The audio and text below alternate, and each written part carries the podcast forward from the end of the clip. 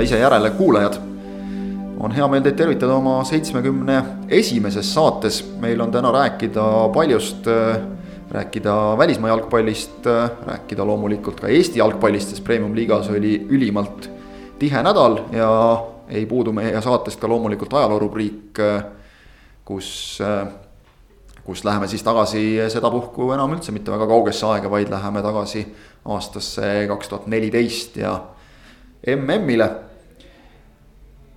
Meil siin stuudios juba vaata et tavapäraseks saanud koosseis. Kristjan Jaak Kangur minu nimi endiselt, Ott Järvela nimi on endiselt Ott Järvela. jah, pole seda seni soovinud muuta. ja Rasmus Voolaid on ikka Rasmus Voolaid. kahjuks küll jah, võiks midagi Ron Artestilikku ikkagi välja mõelda, aga veel ei ole noh, sul on veel aega. mõtled, see ikkagi perekonnanimi võiks olla ainult üks täht. Et noh, nagu. sümbol nagu printsil oli kunagi. ja, ja, ja, ja eesnimi võiks ka midagi sellist nagu ikkagi noh, sellist kämpi olla nagu. perekonnanimeks ma mõtlen praegu semikooloni peale see on hea, see on mu lemmik kirjavahemärk, sellepärast et sellega teatavasti nagu oskuslikud äh, kirjutajad teavad, võid sa kokku siduda omavahel kõige äh, suvalisemad asjad üldse et see on, see on nagu hiilgav, hiilgav kirjavahemärk, kui sa ei taha lauset ära lõpetada, pane semikoolon ja kirjuta ükskõik mis crap'i edasi ja mitte keegi, ükski konn ei saa köhida. ja lause tuleb pikk, kas ka ilus, see on muidugi vaataja ja, silmades, aga pikk. semikoolon kaunistab iga lauset, ma ütleksin niimoodi me tahtsime täna alla tunni teha jah? ja, me tahtsime täna teha alla tunnise saate, nii et algus on äh, paljulubav äh, alustame täna natukene teistmoodi kui muidu, sest me enamasti ikkagi jookseme selle saate käima kohe Eesti jalgpalliga, aga, aga alustame täna välismaa jalgpalliga, sellepärast et äh, esmaspäeva hommik üldiselt suhteliselt harva toob äh, olulisi uudiseid äh, täna siiski. ehk puudutab see loomulikult Manchester Cityt ja, ja nende kaebust rahvusvahelisele, rahvusvahelisele spordiarbitraažile ehk KAS-ile ja said hea uudise ehk et Man City'le määratud kaheaastane võistluskeeld eurosarjadest, nende puhul siis eeskätt meistrite liigast, tühistati. City peab maksma massiivset kümme miljonit eurot trahvi selle eest, et nad juurdlusega koostööd ei teinud see no, siin on iroonia. selle, jaa, see on iroonia, selle Shake maksis ilmselt hommikukohvi kõrvale juba niimoodi laisa haigutusega lihtsalt ära, nii nagu meie teeme võib-olla. kolm viiskümmend ülekandeid teinekord sõpradele, kui, kui on vajadust, aga aga jah, eh, financial fair play võib öelda, et sai vist järjekordse tagasilöögi, sest et eh, kas eh, lubas lähipäevadel seletada natuke rohkem lahti mis selles, mis selle otsuse tagamaad olid, miks see nii tehti. aga tegelikult esimesed vihjed juba annavad mõista, et noh, suuresti jäi asi ikkagi nii-öelda protseduuriliste küsimuste taha ilmselt. ehk et tõestada seda, et Man City on nii-öelda sikku teinud oma rahaasjadest teavitamisega ei, ei õnnestunud. no me peame praegu rahulduma selle pooleteist leheküljelise TSAS-i teatega. et see teade, mis sisaldab siis otsuse seda resolutsiooni, aga äh, seda sisulist poolt, kuidas TSAS-i paneel selle otsuseni jõudis äh, sellest anti ka täna teada, et see avaldatakse lähipäevadel ehk et sellega läheb natukene aega. ja see on siis tegelikult see huvitav lugemismaterjal, et, et see, mida me täna teada saime, siis ähm, spordikohus andis, ütles, et, et ähm, karistada sai seal kümme miljonit tuleb City'le selle eest, et nad ei teinud UEFA uurimisorganitega koostööd. ja seda, ja seda pidas TSAS tõestatuks ja, ja nende karistamist ka põhjendatuks, tõsi, trahv on siis nüüd kahe kolmandiku võrra väiksem algsest kolmekümnest miljonist. ja see kümme miljonit tõesti Man City jaoks ei ole mitte midagi äh,. aga jah, et, et selle financial fair play reeglitest ähm, mitte kinnipidamine, kas need olid tõestamata või äh, aegunud, oli põhimõtteliselt see, mida Tsass ütles. ehk et nüüd tegelikult noh, huviga tuleb oodata seda täisotsust, et sealt saab siis konkreetselt lugeda ka asjaoludest, miks oli midagi tõestamata, miks oli midagi aegunud see puudutas, eks ole, perioodi kaks tuhat kaksteist kuni kuusteist, kui ma, kui ma ei eksi, et, et eh, sealt tuleb see, see aegumise klausel. ehk et tegelikult uuriti võrdlemisi vanu asju ja, ja kes ei ole täpselt kursis sellega hästi lühidalt uh,. uuriti või süüdistati Cityt selles, et nad on näidanud oma tulusid noh, nii-öelda fiktiivselt või, või tegelikkust suuremana selleks, et, et, et saada financial fair play'ga asjad nii-öelda kulud-tulud tasakaalu ja, ja noh, me teame, et City kasvõi staadioni sponsorlus, Etihadi staadion. noh, nad on väga tihedalt seotud sellesama klubi omaniku Sheikh Mansouriga ehk on natukene see kahtlustus, et liigutati raha lihtsalt ühest taskust teise, millele City ka apelleeris, oli see, et tegelikult see kõik tuli ju välja. või noh, see, mis nüüd välja tuli, eks ole, mille põhjal ikkagi süüdi mõista Kassi arvates ei olnud alust. See tuli välja nii nagu paljud asjad on välja tulnud maailmas viimasel ajal ehk Football League'i kaudu. mille siis Der Spiegel mõned aastad tagasi ära trükkis ja sealt hakkas see lumepall veerema, aga kuna see kõik põhineb noh, häkkimistel ehk äh, mingitel meilidel, millele tegelikult ei oleks nagu tohtinud keegi väljastpoolt ligi saada. siis oli Cityl väga lihtne tembeldada kogu see asi lihtsalt äh, laimukampaaniaks, mustamiseks. ja tuleb tagantjärgi tõdeda, et äh, Peep Guardiola ilmselt noh, ilmselgelt teadis asjadest rohkem kui teadis avalikkus. Ehk et Guardiola kuulutas ju juba päris ja avalikult ja võib-olla isegi on üllatav, et seda tegi just Guardiola, kes noh, tegelikult peaks ju tegelema selle jalgpalli poolega ja, ja las siis advokaadid ja, ja klubi juhid majandavad sel teemal ja teevad nii-öelda PR-i, aga isegi Guardiola pidas vajalikuks mitu korda öelda, et ta on täiesti kindel, et äh, sealt tuleb võit, et järgmisel hooajal mängitakse meistrite liigas ja miks see muidugi on oluline City jaoks, on see, et äh, hoovilt kukkus ära see mure, et Kevin De Bruyne't kõik muud mehed hakkavad kuskile poole minema hiilima, et saaks mängida meistrite liigat, sest kindlasti need. Need mehed, kes on praegu oma mängijakarjääri äh, tipus ka vanuseliselt, ei, ei soovi kaks aastat olla ilma. Ja De Bruyne vist on isegi, tema vist on kõige aktiivsemalt välja öelnud, et tema jaoks on väga oluline meistrite liigas mängimine. aga tõesti, see kõige tõenäolisem tundub ikkagi see aegumise klausel, sest, äh, sest UEFA ju ilmaasjata nagu ei oleks neid pihtide vahele tõmmanud, isegi kui see oleks olnud tõendamata, et see on nagu ebaloogiline just see aegumise klausel, ma arvan, on, on nagu kõige reaalsem, et äh, kui me väga täpselt ei tea, mis need aastad on, mida tohib uurida ja mida ei tohi uurida ja nii edasi, aga. Et tegelikult ongi, et noh, noh tuleb oodata seda täisotsust ja sealt saab neid asjaolusid nagu siis, äh, siis vaadata, mis need nagu.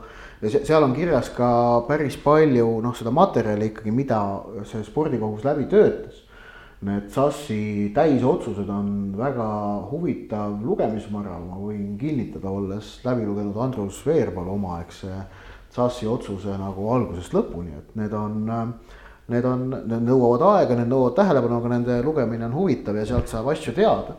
ja ma usun, sellest nüüd Man City UEFA kaasusest saab samamoodi teada siis seda, et kas nagu City pääses samamoodi mingisuguse pisitehnilise detailiga nagu Veerpalu, kuigi kelle puhul siis ju tegelikult öeldi, et sisuliselt ei ole nagu mingit kahtlust, et ta seda kehavälist kasvuhormooni kasutas ähm,. oli selles TSAS-i otsuses kirjas, aga kuna seal mingid nõudmised olid veidikene puudulikult täidetud, siis nad ei, juriidiliselt ei näe võimalust süüdiks, süüdimõistvat otsust teha et, et, et kui see täisotsus nüüd tuleb, siis saab nagu lugeda, kas Man City puhul on samamoodi või oli seal UEFA poolt mingi suurem möödapanek, mida noh, ei saa ju samuti äh, välistada Äh, meil on saates saabunud vahepeal mingi neljas külaline, väike, väike lepatriinu, mille, mille voolaid on kinni püüdnud. Äh, me jätame selle lepatriinu äh, ellu. rahule. jah, ähm, aga, aga jah, et, et seda täisotsust on vaja oodata, aga kindlasti on see nüüd praegu UEFA jaoks maineliselt suur pauk. sellepärast, et UEFA oli kasutanud Man City suhtes päris karmi retoorikat ning teine asi, mis on siis see, et, et see on sellise äh, jalgpalli, rahvusvahelise jalgpalli, selle huvigrupi, kellele ei meeldi nõnda öelda riiklikud jalgpalliklubid, noh nagu Man City on Araabia Ühendemiraatide klubi ja BSG on Katari klubi ja Newcastle Unitedist võib-olla on saamas Saudi Araabia klubi. kellele ei meeldi säärased riiklikud äh, projektid, siis nende jaoks oli see Man City kaasus tegelikult sellise maamärgilise tähtsusega, et äh, kas säärast sports washing ut äh, ja seal selle sees siis omakorda noh, ikkagi ilmselgelt äh, noh, kuidas öelda. väga loomingulist lähenemist sponsorsuhetele on vist niimoodi öelda, et kas seda tolereeritakse või mitte, kas selle saadakse juriidiliselt see kinni panna või mitte. UEFA poolt tulid kõik need süüdimõistvad otsused ära ja Tsas näit-, ütles, et, et need ei olnud nüüd juriidiliselt vettpidavad. ehk et see nagu on ähm, see nagu on selles mõttes märgilise tähendusega otsus ja sellepärast me siin saate alguses ka räägime, see on, see on selles mõttes Euroopa jalgpallis väga tähtis otsus. ma vaatasin korraks veel äh, UEFA äh, kommentaari sellele. väga lakooniline. otsusele ja mulle, mulle torkab silma see, et see algab sõnadega UEFA takes note of the decision taken by the court of arbitration of sport. ehk siis põhimõtteliselt on see, et UEFA võtab teadmiseks mm, -hmm. et tehti otsus. selles muide, selles samas UEFA teates on ka ära märgitud viis aastat on see periood ehk et tegelikult, kui oli kaks tuhat kaksteist kuni kuusteist, siis oli, oli see asi juba niigi üsna piiri peal, et ilmselt sealt lõpupoolt midagi siis ei leitud. Hüpoteetiliselt, eks ole, ja, ja siis eespool ükskõik, mis seal oli, seda enam ei saa ei, ei saa kuidagi nagu tõendina tuua, aga tõesti, seda on väga huvitav vaadata, ise mäletan, kunagi uurisin ratturi, tippratturi Alberto Contadori dopingu tarvitamist või siis mittetarvitamist puudutavat kassi otsust ja, ja, ja see on. Need on tegelikult noh, nii-öelda paberisse köidetuna, nad on parajad tellised.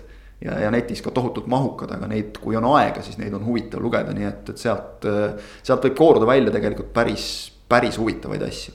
aga mida me nüüd teame, mis ta, mida ta jalgpalliliselt siis ikkagi muudab, on see, et Inglismaalt saab meistrite liigasse neli meeskonda Need on no,. esimesed, liigatabeli esimesed neli. jah, liigatabeli esimesed neli, täpselt ehk. Äh, võib ka saada viies, kui Euroopa liiga võidab Man United või Wolverhampton Wanderers, kes omakorda sellesse neljikusse ei kuulu. just, ehk et seal tegelikult neid, äh, kasutades ilusat eestikeelset sõna, mis, mis paljudele meeldib, permutatsioone ehk neid võimalikke jällegi oli siin irooniat. No. permutatsioon, semikoolon oleks näiteks. vot sa muutsid praegu meie saate alla kaheksateist aastastele keelatuks aga, aga kasu-, ühesõnaga neid erinevaid võimalikke variante, et, et kes millises liigas mängib, neid on tegelikult veel väga palju, aga tõesti, viies koht meistrite liigasse ei vii. See on ja. selge, mis tähendab omakorda seda, et äh, Liverpool ja Man City on meistrite liigas sees. Man City enam ei saa kukkuda nelja hulgast välja kuivõrd viimases voorus mängivad Manchester United ja Leicester omavahel. ehk siis nüüd no kõige tõenäolisemalt jagavad need kolm kohta hetkeseisuga tabelit vaadates Manchester United, Chelsea ja Leicester. just, et noh, Wolverhamptonil on sinna mängu ikkagi nüüd juba keeruline sekkuda. Aga see siis tänane otsus Man City kasuks, et Sassi poolt noh, muudab Leicesteri jaoks eriti valusaks neid eile õhtul Bournemouthis tabanud üks-neli kaotuse sellepärast, et kui nüüd United täna õhtul võidab äh, kodus Southamptonit, milles oleme ausad, erilist kahtlust ei. no vähemalt esialgu ei tundu nagu olevat, sellepärast United on võitnud neli mängu järjest väravat vahega neliteist, kaks. Mis on äh, noh, ja Mason Greenwood lööb sisse nagu igalt poolt praegu paistab nagu seis on selline. ja noh, tundub, et on jällegi osatud nagu need äh, õiged, õiged ümbrikke hakata õigete kohtunike postkastidesse ka toimetama, et otsused lähevad ka kuidagi jälle kõik, nali naljaks, otsused lähevad ka kuidagi kõik Unitedi kasuks, nad seilavad lihtsalt niivõrd. et noh, kui, kui ei juhtu midagi üllatavat, siis, siis Leicester leiab ennast täna õhtul pärast United Southampton mängu liigatabelis viiendalt kohalt. Ja, ja sealt on vaja siis viimase kolme vooruga ülespoole ronida ähm,. Nende noh rääkides olukorrast, siis jah, Chelsea'ga nad kaotavad sel juhul Chelsea'le punktiga ja neil on parem väravate vahe kui Chelsea, selgelt parem. seda nad kolme vooruga maha ei mängi. et kui nad Chelsea'ga lõpetavad võrdsetel punktidel, siis Leicester noh, üheksakümmend kaheksa protsenti tõenäosusega Chelsea't edestab. Inglismaal on väravate vahe see viigilahutaja number üks on ju et noh, Leicesteril muidugi ilmselt on, on nagu kahetsus oleks väga suur, et no neil ei ole koroonapausi järel asjad äh, õnnestunud Nad on suutnud koroonapausi järel kuuest mängust võtta ühe võidu, kolm viiki ja saanud kaks kaotust, ehk tegelikult nad on, nad on, nad on oma meistrite liiga kohta järgmiseks hooajaks, mis neil noh, tundus seal märtsis olevat täiesti kindel on ju. Nad on seal praegu tegelikult maha mängimas ja nende noh, see vorm on pigem selline, mis ei luba nagu asju optimistlikult vaadata. Neil ei ole lihtsad mängud ka, neil on ees ootamas mängud Sheffield Unitediga, kes võitleb samuti sellest, et saada Euroopasse klubi ajaloos üldse esimest korda et Sheffield United pole kunagi äh, eurosarjas mitte mingis mänginud, nad on hetkel tabelis seitsmendad ja neil on punkte vaja. Äh, noh, seitsmes koht viib Euroopa liigasse eeldusel, et Londoni Arsenal ei tule Inglismaa karikavõitjaks. Äh, see viib siis tõsine eelringi, kus sa võid, see on siis see, see on siis sinna eelringi, kus võid kokku saada Eesti, mõne Eesti klubiga, kui too on ühest vastasest jagu saanud. ehk et sinna teise eelringi No ja Arsenalil- Leicesteril veel Tottenham ja Man United. ja Arsenalil on, eks ole, seal karikasarjas poolfinaalis Man City, nii et noh, see noh- tõenäosus on väike. jah, Hetkel siiski. noh, et, et äh, Man City muidugi keskendub meistrite liigale. Leicesteri trumbiks võib-olla ongi see, kui üldse mingit trumpi otsida, et viimases voorus on Man United ehk siis nad on veel tõenäoliselt viimase vooruni mängus sees. Kui nad, kui muidugi United nüüd järgmise kahega nagu seda vahet liiga suureks ei tee. nojah, et Chelsea'l on mängida Norwichi, Liverpooli ja Wolvesiga, pole ka lihtne, tähendab Norwich on lihtne, sest Norwich on välja langenud. Norwich on väljas jah. jah, aga noh, Liverpool on kindlasti mäng, kus nagu noh, Liverpool tahab kindlasti näidata, et, et asjad ei ole nii, et noh, Liverpool. Liverpoolil on endiselt sada kaks on veel võimalik. nojah, aga Liverpoolil on seal olnud väikesed pettumused, nüüd see viik Burnley'ga, noh, kaotus Man City'l oli väga suur pettumus. Nad tahavad kindlasti seda hooaega lõpetada niimoodi, et järgmist hooaega oleks mõnus alustada. ja siis viimases voorus Wolves äh,, Chelsea'l, kes on kõigi eelduste kohaselt tolleks hetkeks endiselt eurosarja võitluses sees. ja, ja, ja noh, et siin on, siin on nagu erinevaid variante, siin on erinevaid variante. ma hakkasin seda mõtlema ise pärast eilset kaotust, järjekordset kaotust täiesti masendava teise poolega Lesteril, et kas Brendan Rodgersi tool hakkab ka vaikselt kõikuma või. ta oli no üli, ülikuningas oli seal Lesteris kuni, kuni koroonapausini, aga pärast seda no. ma arvan, et veel mitte, aga ütleme. ütleme, kui nad jäävadki nüüd no siin seitsmendaks lõpuks. noh, kui nad jäävad jah, noh seitsmendaks ma, ma nagu ei usu, et nad nii kaugele. seitsmendaks nad peaksid äh,. Sheffieldi Nad peaksid nad peaksid kolme vooruga viis punkti, vabandust kuus punkti maha mängima Sheffield Unitedi no Sheffield täna võib või varsti võib kolm tagasi mängida no.. nojah, sest et Sheffield äh, väravat vahe on jällegi kehvem kui. Sheffieldi Unitedi väravat vahe on fenomenaalne, sul on teeninud viiskümmend neli punkti, aga su väravat vahe on kolmkümmend kaheksa, kolmkümmend kolm. Neil on viis ka- võitu rohkem kui viis kaotust ja neil on viis väravat löödud rohkem kui viis. jah, jah, et noh, löövad kõige vähem ja lasevad kõige vähem, põhimõtteliselt on seis selline. sisuliselt küll jah.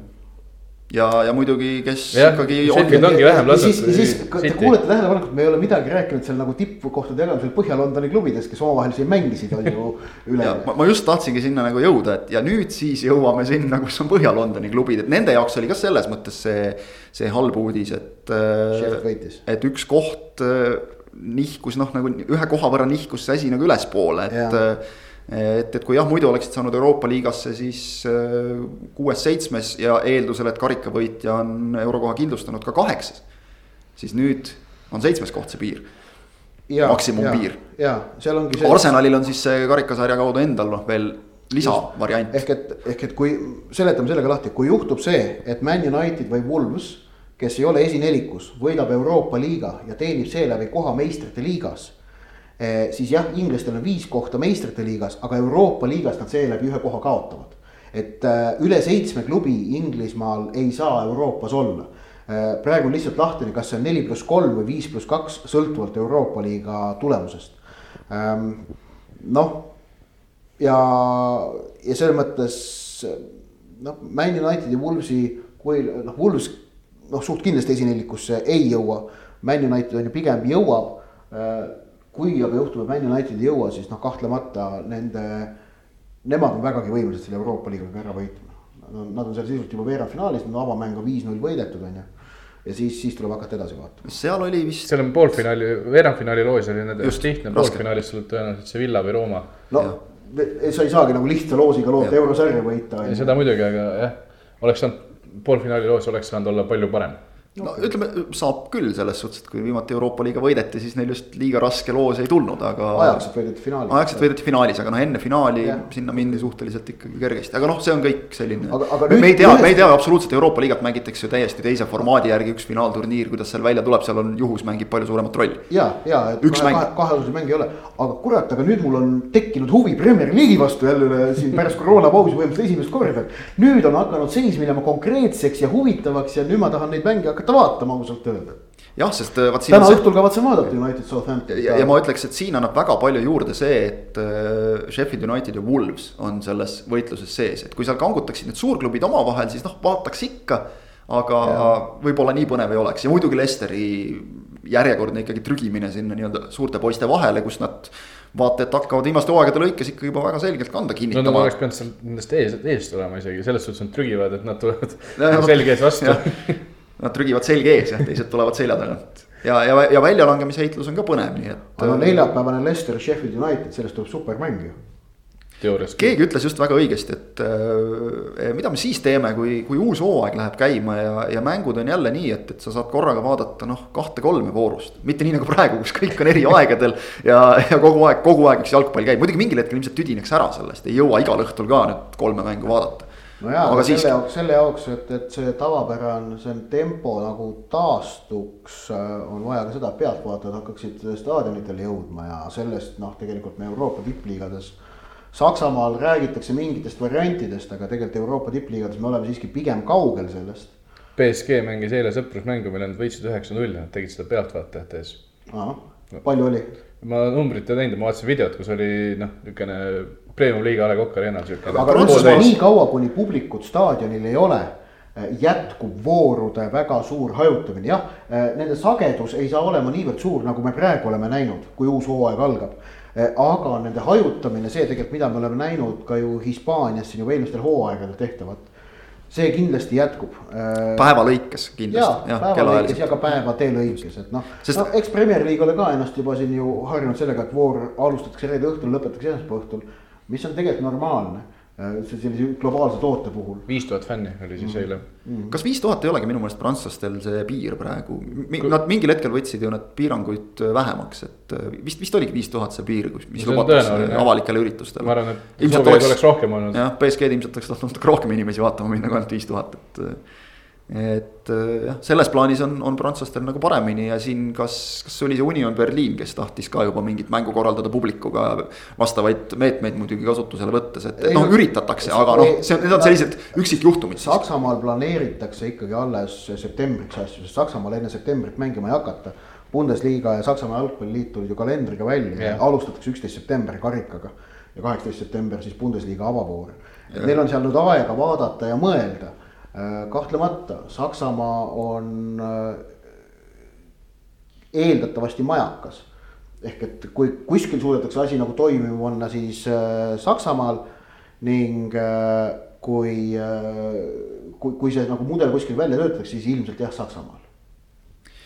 nii, Inglismaast oleme rääkinud, Saksamaast servapidi ka, enne kui läheme Eesti jalgpalli juurde, loomulikult ja noh, tegelikult lähemegi juba peaaegu Eesti jalgpalli juurde, aga Itaalias, enne veel, kui räägime Georgi Dunjovi debüüdist Serie A-s, siis äh, oli ka tegelikult Itaalias võimalus nädalavahetusel, et äh, läheb veel põnevaks. Juventuse Atalanta kohtumine, kui Atalanta oleks selle mängu võitnud, oleks vahe olnud äh, kuus punkti. ehk mingi võimalus oleks olnud õhus. kuna see mäng lõppes dramaatilise viigiga, siis sisuliselt võib ikkagi Juventusele ilmselt tiitli kaela riputada, sest et noh, jälitajad on kõik näidanud, Atalanta oli ainuke, kes tuli sealt tagant nagu kiirrongiga kaksteist võitu järjest kõikides sarjades. ehk eh, noh, neil oli seda hoogu ja seda klassi, et eh, võib-olla Juventusele järele jõuda, aga praegu ikkagi on natuke raske seda näha, Juventus peab selleks nüüd vähemalt siis kolm korda komistama ja, ja noh, et see juhtuks, seda ütleme, nad said ka täpselt oma, oma nähvaka Milani vastu kätte. ehk et äh, sellist lohakust ma ei usu, et nad endale, endale lubaksid. õnne oli neil tegelikult Atalanta vastu tohutult, ei mängitud hästi, kaugel sellest. täpselt samad probleemid, mis on Juventust vaevanud juba tükimat aega. Äh, Atalanta mängis küll äh, ka tegelikult natuke allapoole oma tavapärast taset. Ei äh, olnud see rünnak, rünnak neil nüüd nii hoogne nagu tavaliselt, aga kaks tükki nad ometigi lõid, Juventus sai mõlemad oma väravad penaltist, küll täiesti õigetest käega mängu eest määratud penaltitest. aga väga õnnetutest penaltitest. mõlemal puhul tegelikult noh, suuresti nagu ikkagi löödi pall vastu kätt, aga kõik. käsi kuskil üleval tilpnes, siis ka penalti anti. mõlemal juhul oli nii, et see käsi tilpnes kuskil üleval ja noh, eriti õnnetu oli kaks-kaks penalti eelviimasel minutil, kui Gonzalo Higuain üritas mängida palli kastist välja ehk väravast eemale kaaslasele ja sinna jäi Luis Murieli käsi ette, aga täiesti selge penalti, ehk noh, natukene kuidagi õnnejumalanna on ka ikkagi Juventuse poolt, kuigi ta on nende poolt olnud juba päris kaua ja neil neid tiitleid on. tuleb, tuleb nüüd koos selle aastaga rohkem järjest kui, kui Bayernil ja aga see noh, Juventuse see noh, Laatsio kaotas ka jälle jälle ja, ja kaheksa punkti, seal on kuus vooru ja noh, ei, ei paista nagu kuskilt no see on tehtud jah, sellepärast et Laatsi on kolm järjest kaotanud. no Laatsi on, Laatsi on nagu Lester selles suhtes ka, et nad on pausilt ta, tagasi aga, tulnud täiesti kohutavate mängudega. aga, aga tähendab, kes tahab, vaatab, vaatab, võib mu Twitterist vaadata, et see, kuidas ju äh, Atalanta lõi oma avavärava siis sellele eelnes kaheksa minuti üheteistkümne sekundiline periood, mille käigus Juventus vastase väljaku poole peal palli puutuda ei suutnud. ning äh,, ning see on see, see on fenomenaalne. see ei vaja ja, nagu lisa, lisasõnu tegelikult. ja, ja kõik ikka, aga ikkagi ei saa nagu mööda vaadata sellest, et Atalanta on praegu sats, kellel on tõsiselt väga hea vorm. rõhutan, nad mängisid Torino Juventuse vastu, tegelikult nad mängisid vastasest nagu pigem üle. et noh, kui, kui keegi oleks pidanud selle mängu võitma, siis Atalanta ja mis omakorda noh, minu jaoks tekitab intriigi meistrite liigat silmas pidades. BSG võib mängida selle, millele Le Havre või Bresti või kellega. Le Havre'iga. Le Havre'iga, üheksa-null võita aga see on sõprusmäng ning see on olukorras, kus nendel kummalgi klubil pole alates märtsikuust olnud mitte ühtegi võistlusmängu ning BSG läheb meistrite liiga veerandfinaalis Atalanta vastu väljakule olukorras, kus BSG pole alates märtsi saadik mänginud mitte ühtegi võistlusmängu. Äh, kaks Kak karikafinaali tulevad neil enne seda. pagan, vot see rikkus teooriat praegu ära.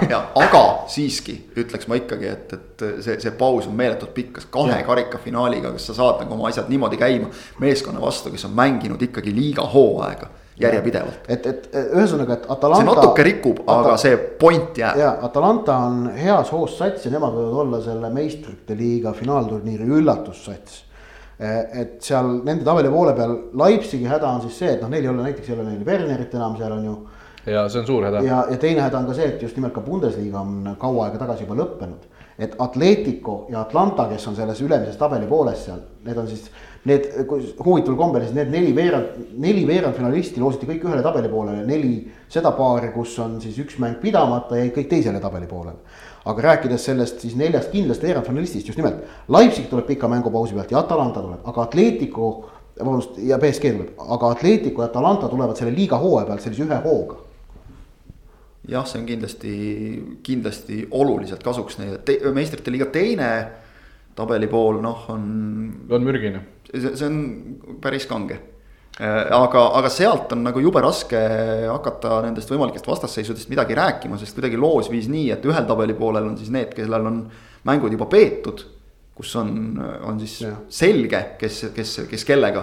ja siis teisel pool on neid igasuguseid võimalikke variante, kui me vaatame kasvõi City Reali noh avamängu, eks ole, ja, ja Barcelona Napoli avamängu, et seal on kõik lahtine täiesti. või vaata Juventus Leon, kus see tegelikult ei ole lahtine. kus on intriig üleval ei no tegelikult on Lyon on ära otsustanud põhimõtteliselt juba, aga no, aga, aga tegelikult on ikka üleval. on ikka üleval, on ikka üleval. ei no Lyonil sama häda, noh Lyonil on veel suurem häda kui BSG-l ju noh, tulevadki no, null praktika pealt, noh kuidas saad Juventuse vastu. noh, see, et Man Cityl on võõrsilt Realile kaks-kaks võit kirjas, see muidugi seal, see, see paar on ilmselt täiesti lahtine, mul on tunne. sest et noh, ongi, et mõlemal on selline ründepotentsiaal on niivõrd võimas heal päeval ja halval päeval noh, me oleme näinud, Man City on väga ebastabiilne jällegi Napoli, Barca üks-üks, seal võib kõike juhtuda. seal võib kõike juhtuda ja noh, Chelsea kaotas kodus Bayernil null kolm, seal on küll tehtud ju. seal on jah paigas, et seal, seal võib Bayerni ära kirjutada. aga, aga noh, kogu see jah, meistrite liiga finaalturniir, et nüüd, kui see loos on ka ära olnud, et siis nagu ootus nagu üha süveneb, et tahaks juba näha, tahaks juba näha. väga tahaks näha. ma mõtlengi just see. mul on otsustavatel mängudel puhkus ka, ma saan rahulikult vaadata muuseas. tõbras Georgi Dunjov, müts maha ikkagi, nüüd on, nüüd on nagu linnuke kirjas ka ametlikult äh, seeria A-s debüüt tehtud, algkoosseisu debüüt siis. ja noh, sina Rasmus vaatasid seda mängu, äh, seal vist on raske hinnangut anda eelkõige selle tõttu, et Spal on, äh, kuidas me viisakalt ütleme. oma koha vääriline. kehv, jah, oma koha vääriline, väga ilusti öeldud. Itaalia seeria kontekstis üks päris halb meeskond vist igas kontekstis natuke. no seeria B kontekstis võib-olla ei ole nii halb, ei tea, aga jah, no me. hiljuti juhtisid ju AC Milani vastu kaks-null. tekib küsimus küll eilse, eilse najal, et, et kuidas see võimalik oli, sest äh, eile mängiti meeskonna vastu, kelle noh, see oli põhimõtteliselt hooaja kõige tähtsam mäng, et kui nad tahavad veel säilitada lootust püsimajäämisele, siis oli vaja kindlasti eile võita kuna kaotati, siis nüüd on vahe seitsmeteistkümnenda kohaga ehk selle nii-öelda rohelise joone eh, kohaga on üksteist punkti, mis on kuus vooru enne lõppu põhimõtteliselt võimatu. Dunjov sai algkoosseisu nii olulises mängus, mis muidugi on kvaliteedi näitaja, kvaliteedi näitaja on ka see, et või noh, usalduse näitaja on ka see, et talle üheksandal minutil mängu esimene karistuslöök, kus oli vaja pall kasti riputada, anti talle juba üheksateistaastasele Eesti poisile, kes tegi oma algkoosseisu debüüti see on kõva sõna, sest noh, sellised asjad ei sünni juhuslikult, see on Just. ikkagi kokku ette lepitud ja, ja järelikult, järelikult usaldatakse. ja seeria B-sse langemine muidugi Dunjovile võib anda, võib anda mänguvõimaluse. võib anda küll. see ei pruugi üldse halb asi olla tema jaoks. sest tal on ju leping on, on noh, ütleme ikkagi pikk. just sõlmis uue profilepingu, esimese profilepingu. tõsi, see üheksanda minuti karistuslöök muidugi ebaõnnestus täielikult, see läks kõigist meestest üle, see selleks varsti sai uue karistuslöögi võimaluse, vaatamata sellele, et esimene pekki läks, see tuli paremini välja esimesel poolel tegi ka ühe pealelöögi, mis oli ühtlasi ka Spalli ainus pealelöök. esimesel poolel täiesti masendav mäng kogu meeskonnal. no seal oli, Dunjovil tuli sellist söödupraaki sisse, kus tahtis sõbrale jätta, jättis vastasele ja nii edasi. selliseid asju tuli, see oli, oli natukene näha võib-olla jah, et on esimest korda algkoosseisus, aga no tõesti, räägime... anna, anname ikkagi nagu aega ja me, me räägime seeria A tasemest, et see yeah., see võtab natuke aega nagu harjumist, et yeah.. et see, olnud... see ei ole päris nii, et lähed ja teed lihtsalt oli juba sellist klassikalist eestlaste eh, kommentaariumit ka näha, et nagu, nagu Klaavani mängud Liverpoolis, et kogu aeg otsiti neid Klaavani vigu ja nii edasi ja nii edasi, kõik eksivad. Dunjov ei olnud sugugi halvem kui ükski, ükski teine Spalli mängija platsil, see oli nii-öelda ühtlaselt kehva sats. nii et vaatame, kui esimest korda läheb koondis, koondise kutsete jagamiseks, mis siis saab? küll ta saab selle no,. ma arvan ka, et siin ja, ei ole enam küsimust. aga noh, rõhutame, et siis eile oli, eile oli siis selline päev, kus Serie A-s käisid väljakul kaks Eesti jalgpallurit. mõlemad algkoosseisus. jah, mõlemad algkoosseisus, et see on siiski maailma jalgpalli ajaloos ainulaadne päev. absoluutselt. Me, meil ei lähe üldse nii halvasti, nagu me vahel tahaks. Euroopa tippliiga no.. jah, me, meil ei lähe tegelikult nii halvasti, nagu vahel, vahel kiputakse rääkima, alati saab paremini, aga suund on ikkagi õige. jah, ei no muidugi saab alati parem, no Lukas Radetški, Soome esivärava e, e, Soome koondise esiväravah mängis Saksamaa karikafinaali äsja näiteks ja noh. ja nõnda edasi, aga, ja Teemu Pukki oli augustis Premier League'i parim mängija on ju, et noh, et. aga Teemu Pukki kukkus just Premier League'ist välja. no Dunjov kukub ka välja. aga meil on üks veel jah, soomlasi. kas mõni soomlane jääb Premier League'i püsima? Premier League'is. Premier League'i ei jää, aga, aga. ei, minu meelest ei ole. Radetški on Leverkusenis. ei, seda küll jah, aga see on teise saate teema. las ta jääb, las ta jääb sinna Leverkusenisse, jah, faktidel head lugu ära lase rikkuda. nii, me oleme rääkinud äh, päris pikalt äh, välismaa jalgpallist, tuleme siiapoole piiri jälle ja, ja premium-liigasse nädal täis. Äh, üks asi, Kukki on juba kukkunud, Dunjov ei ole veel kukkunud. jah, see on tõsi, see on tõsi ega me ei saa üle ega ümber, kui me premium-liigast räägime ikkagi nädala suurest äh, uudisest ja, ja otsusest, otsusest ehk et Levadia ikkagi loobus Martin Reimist, praegu on nende peatreener Vladimir Vassiljev, kes on nende järgmine peatreener. noh, ütleme nii, et äh, tasub uskuda hästi informeeritud allikaid, nagu alati. aga kuniks pole ametlikke kinnitusi, seni, seni juhendab Vassiljev meeskonda numbriliselt ei ole nagu vahet, et kas Enn Reimiga või Reimita, neli-null on ikka tulemus, kõik on ilus. okei okay,, vastased olid ka Levadia jaoks sellised, kelle vastu eriti selle kuuest mängust üks võit seeria pealt tuli võtta, lihtsalt kaks kindlat võitu võeti ka. aga. Kalev ja Leegion on hetkel tabelis kaks viimast veel. just, et noh, see on loogiline. aga, aga ikkagi noh, võib vist öelda, et kas oli algusest peale see kuidagi sisse programmeeritud natukene selle äh, suuskade ristimineku elegantselt sõnastades võimalikkus Reimi ja, ja Levadia juhtkonna vahel? ei olnud ta, enam võimalus on noh, igasse töösuhtesse on see võimalus sisse programmeeritud, mitte ainult jalgpallis, vaid ka mujal, aga. aga ma usun, et siin ikkagi olid äh, kaks selget põhjust, üks olid äh, tulemused mis äh, ja see, see noh, null-neli kaotus Floral oli see, mis ma usun, oli väga keeruline alla neelata äh, Levadia juhtkonnale. Ja teine asi oli mängijate valik ehk et äh, kui ikkagi demonstratiivselt mäng, no noh, see ei ole demonstratiivne, aga kui peatreeneri silmis või noh, peatreener otsustas, et, et Aleksandr Safronov, Zurab Utšigava ja Manuccio on pingimehed ja mängivad Karl Rudolf Õigus, äh, Marko Lipp ja siis äh, see ei läinud ka ilmselt juhtkonnale väga, see ei meeldinud. aga noh, siis nägime, et, nüüd selles eilses mängus Leegioniga Vladimir Vassiljev andis siis võimaluse nii Safronovile kui äh,, kui Manutšole. ja noh, seal siis põhikoosseisus langesid õigus välja, langes välja Elhi Lipp ka. ja langes välja Lipp äh,. Siis äh, noh, Safronov mängis oma koha noh, enam-vähem välja, ei saanud midagi otseselt head ega halba öelda ega tal seal palju teha ka ei olnud tegelikult no, väga palju. nii ja naa, ütleme need Leegioni tsenderdused esimese poole ja teises pooles osutusid Levadia jaoks üllatavalt probleemseteks. aga noh, Manucho, Manucho, kaks-üks-üks olukorda tal tekkisid, kumb mõlemal puhul jäi Pavel Londakule alla ja ja muidu siis ainuke asi, millega silma paistab, võitis paar rõhuvõlli Aleksandr Volodini vastu, mis ei ole minu meelest nagu teab mis suur saavutus et, et noh, ta ikkagi oli täiesti nagu, tegelikult oli Levadia kõige kehvem mängija minu meelest väljakul.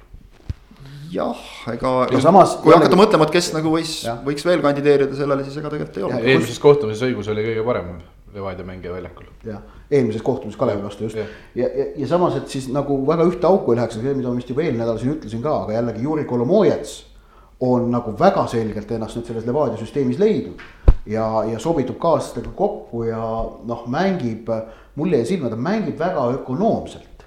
Äh, äh, ehk et suudab äh, noh, valib väga hästi neid kohti, kus nagu siis ütleme, pingutada täiega, kus pole mõtet nagu noh, ennast lõhkuma või väsitama hakata kohavalikud on head, noh klapib meeskonnaga kokku, ka see, kuidas ta avaväravaks Vassiuki üles leidis, no see oli, see oli sellise kogenud targa mängija sööt see on, see on, vot selliste söötude pärast nagu legionäri võetakse, jah, see neli-null värav oli väga ilus. Aga tegelikult põhjus, miks sa tood endale legionäre võistkonda, on, et saada sellist kvaliteeti, nagu oli see Kolomoetsi sööt Vassiukile. et sa lahendad selle olukorra kindlalt ja õigesti ära. olen nõus sinuga just selles osas, et äh, okei okay,, noh, Leegion võib-olla vastasena seda nii hästi ei näita, aga, aga kuidagi Kolomoets on leidnud oma. eilne Leegion et eilne oleks, leegion. oleks see Leegion olnud jah. see, kes mängis neli päeva varem Tammeka vastu oleks võib-olla mäng olnud hoopis teine, aga eilne Leegion oli ikkagi suht kahvatu jah. jah, äh, aga, aga Kolomoetsi puhul torkas ka mulle silma, kuidas ta mõnuga vajub oma ründaja rollist allapoole, kuidas ta leiab vaba ruumi väljakul ja kuidas ta tõesti loeb mängu, nii et äh, targa mängijaga tundub, et, et on tegemist. ja, ja, ja selles plaanis äh, noh, temaga Levadia ütleme pigem on pannud täppi ja tundub, mulle tundub, et ta läheb ajaga kogu aeg natukene paremaks ehk et ta noh, mis on ka normaalne, selles mõttes meil pole tegelikult palju voore mängitud, et ja, ja ta oli alguses ka natukene eemal. et, et uus mängija leiab vaikselt meeskonnakaaslastega klapi, leiab oma rolli. aga jah, Levadial siis, kas, kas tuleb ka nüüd Reimist loobumisega mingi uus suund? või jätkatakse samas vaimus, raske öelda, või naastakse millegi juurde no seda näeb siis, kui uus peatreener, kes ei ole siis kohusetäitja, alustab, noh, ma ütlen endiselt minu, mul on kindlad andmed, et, et Levadia on alati juba enne jaanipäeva ehk et siis vahetult pärast mängu Floraga asunud Sergei Frantseviga ütleme kontakti ja asunud tegelema sellega, et, et ta Eestisse saaks tulla. Venemaa, Eesti vahel on reisipiirangud. mul ei ole praegu nüüd täpseid andmeid selle kohta mis on see seis hetkel ja, ja aga ühesõnaga sellega tegeletakse, et noh, Frantsevi peale on ikkagi sihik võetud ja noh, see selles mõttes ei ole nagu suures plaanis väga kuigi, kuigi üllatav, eh, noh, Victor Levada on Frantsevit eh, tegelikult imetlenud või noh, imetlenud on vale sõna. hinnanud kõrgelt. hinnanud kõrgelt juba pikka aega jah. oli, oli ta selge variant ka eelmise hoo, e, umbes eelmise aasta juunis asendama Rogicit, kui ta esimest korda Äh, Rogic'i tool nagu põhjalikumalt kõikuma hakkas ka seal mõned kaotused Florale ja olid selle põhjuseks ja Kaljule. ja, ja noh, nii, et, et see variant on, on varemgi õhus olnud. jah, ja, ja, ja noh, ega ta ei oleks selles mõttes ka ebaloogiline valik, et ta tunneb premium-liigat. ta ja. tunneb Levadiat mingil määral, mingeid mängijaid mõni on lausa tema käe all mänginud, Robert Kirss näiteks, nii et. Elhi ka. Elhi ka jah, just, et, äh, et, et noh, tal võib-olla ei ole ka nagu tohutut sellist sisseelamise aega vaja, nagu võib-olla oleks mõnel täitsa tundmatul treeneril. ja, ja noh, Levadias on selge, et, et edukuse määravad tulemused, väga lihtne. jah äh,, et huvitav, et see klubi ikkagi. nojah, et sa oled viis aastat järjest hõbeda võitnud järelikult on viis aastat järjest on ikkagi midagi, midagi kogu aeg puudu jäänud, et. et aga, aga mis juhtus siis, kui sa viimati kulla võitsid, kaks tuhat kolmteist, neliteist. siis juhtus see, et, et kaks tuhat kaksteist tehti väga selge restart. isegi tehti see juba seal kaks tuhat üksteist lõpus natukene aga kaks tuhat kaksteist oli hooaeg, kui mängiti sisse uut võistkonda, mängitati sisse uut võistkonda, anti noortele, noorematele võimalusi. jah, teatud kogenud mehed jäid alles, Vitali Leitan oli seal võistkonnas väga tähtsas rollis. ja aga, aga ikkagi jah, et võistkonna ehitamine on pikem protsess kui see, et sa talvel tassid satsi kokku. selleks, et nüüd niimoodi lihtsalt komplekteerimisega kindlalt meistriks tulla on, on Eestis, on vaja noh, kuidas öelda, absurdselt suurt äh, rahakotti ja leida mängijad, kes on nõus siia seda, seda siis tööd tulema tegema. ja ka siis on tegelikult, tegelikult ei ole ka see niimoodi täiesti võtva ja kindlust ei ole ka siis sellepärast, et äh, lõppkokkuvõttes sa saad ikkagi endale nagu mängijaid tuua noh, piiratud arvu, et, et äh, ETM reegel välistab selle, et sa said, teed, teed nagu Armeenias, kus sul on noh satsis ongi äh, mituteist äh, võõrmängijat. just. ETM reegel on hea reegel muuseas. jaa, kahtlemata. oma kahe võiduga Levadia on seitsme punkti kaugusele saanud Florast, mis noh, kindlasti ei ole mingisugune ületamatu asi, siin on väga põnevaid mänge. Suurtel... tabeliseis, tabeliseis on selles mõttes äh, endiselt nagu ja. igati korralik. intrigeeriv, et selles ja. mõttes aitäh Viljandi tulevik, et kinkisite Florale esimese kaotuse esiteks tõmbas see tabelit noh, natukene ikkagi rohkem kokku, kuna ka Nõmme Kalju võttis äh, kaks nii-öelda kohustuslikku võitu. ja. Need tulid, need tulid need keerulisemalt kui Levadia. ja kindlasti, aga Kalju juurde me ka kohe jõuame veel, aga, aga Flora noh, ütleme nii, et tuli ikkagi sellest tööõnnetusest edukalt välja, sellepärast et, äh, et Paidest saadi, saadi selle järel jällegi jagu ega tegelikult minu meelest Flora tuleviku vastu nüüd ka halvasti ei mänginud. võimalusi oli, lihtsalt seal noh, tulevik lõi omad ära.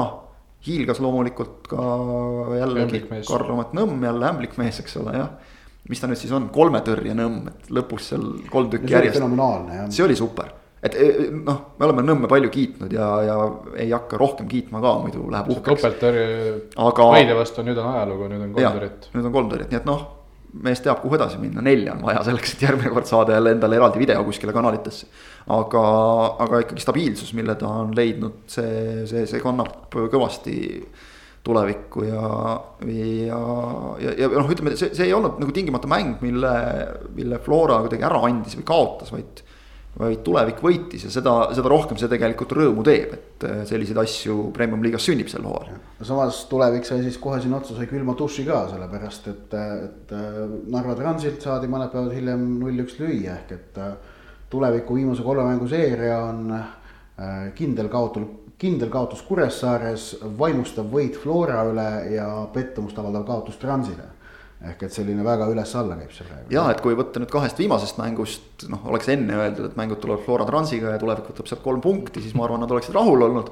Äh, samas nagu sa ütled, kui võtta viimased kolm mängu, et sealt kolm punkti, siis see kindlasti enam väga meeltmööda ei ole, aga jah, tulevikul stabiilsuse leidmine võtab veel.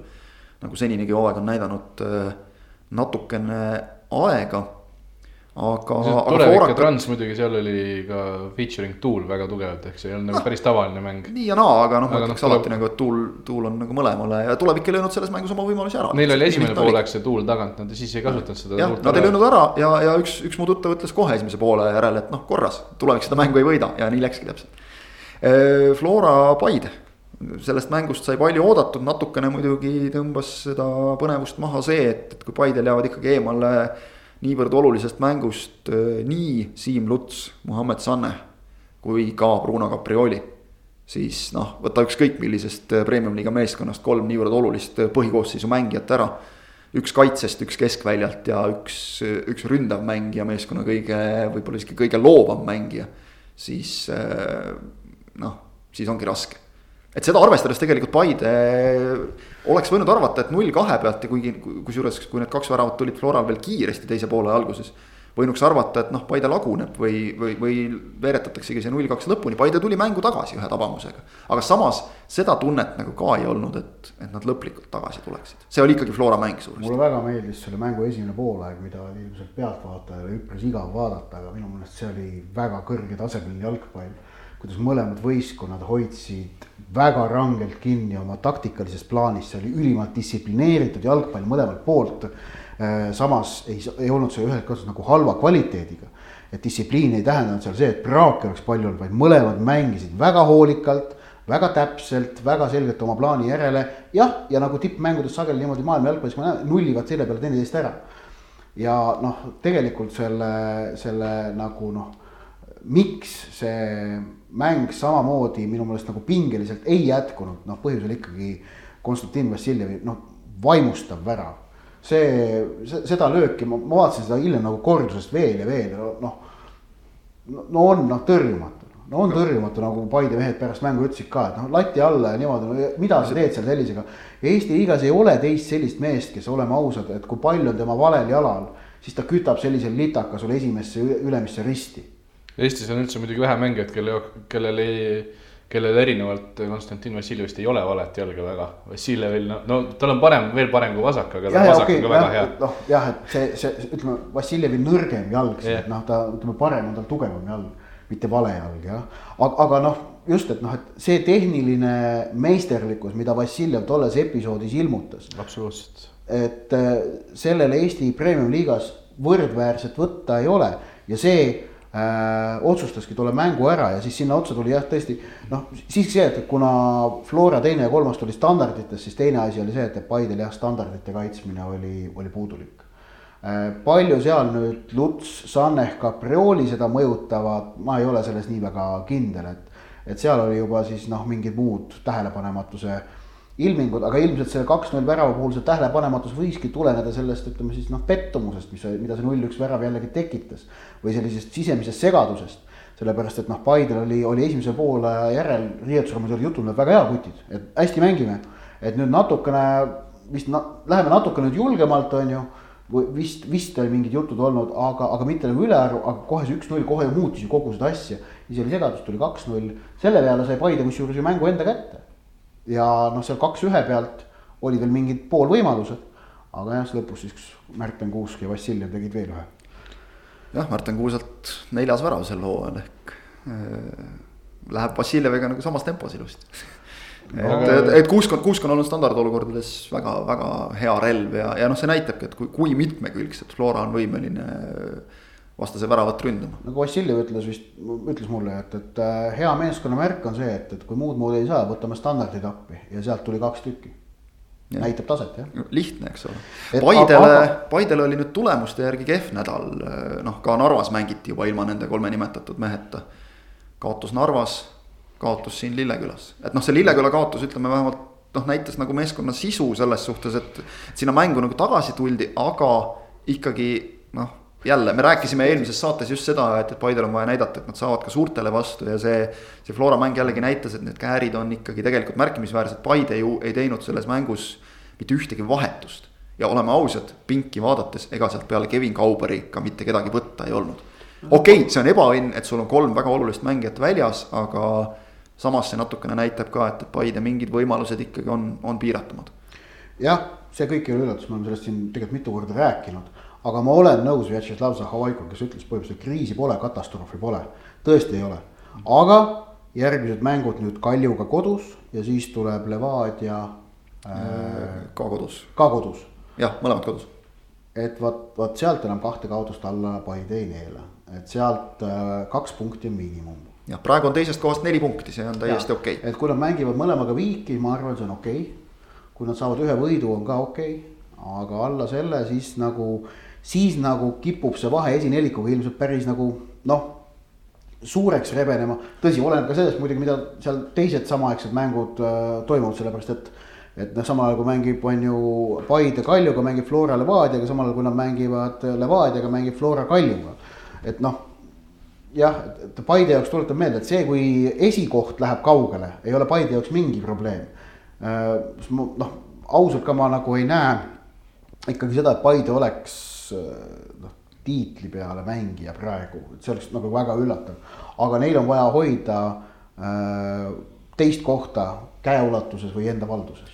praegu on vahe neli punkti, noh, ütleme, kui see on pärast neid, neid mänge ka selline neli-viis, see on okei okay.. jaa aga siis sealt... on Paidel on raske seire selja taga ja siis tuleb teise vooru lõpp, teise ringi lõpetus tuleb kolm-neli lihtsamat mängu aga huvitav, kas. aga noh, ma räägin ikkagi, tegelikult on seal noh, üks asi on, me võime matemaatikat teha, aga see psühholoogiline pool just, just.. Paidel on vaja nende suurte vastu nüüd õnnestumisi, noh Kalju vastu ühe selle õnnestumise said, võõrsid võitsid üks-null. ja see, see, see, see ju mõjus kohe, see andis nagu meeskonnale hoogu juurde. et nüüd noh, see transi kaotus, see oli selline tööõnnetus nagu siin ütleme noh, on, on siin kõikidel suurtel midagi juhtunud aga, aga jah, et nüüd on neil jällegi see eneseusu, eneseusu küsimus on see, et neil on vaja sellist noh, positiivset laksu saada ja noh, mängud Kalju Levadiaga. võtad sealt neli punkti ja noh, kõik on väga kena. võtad kuus on super.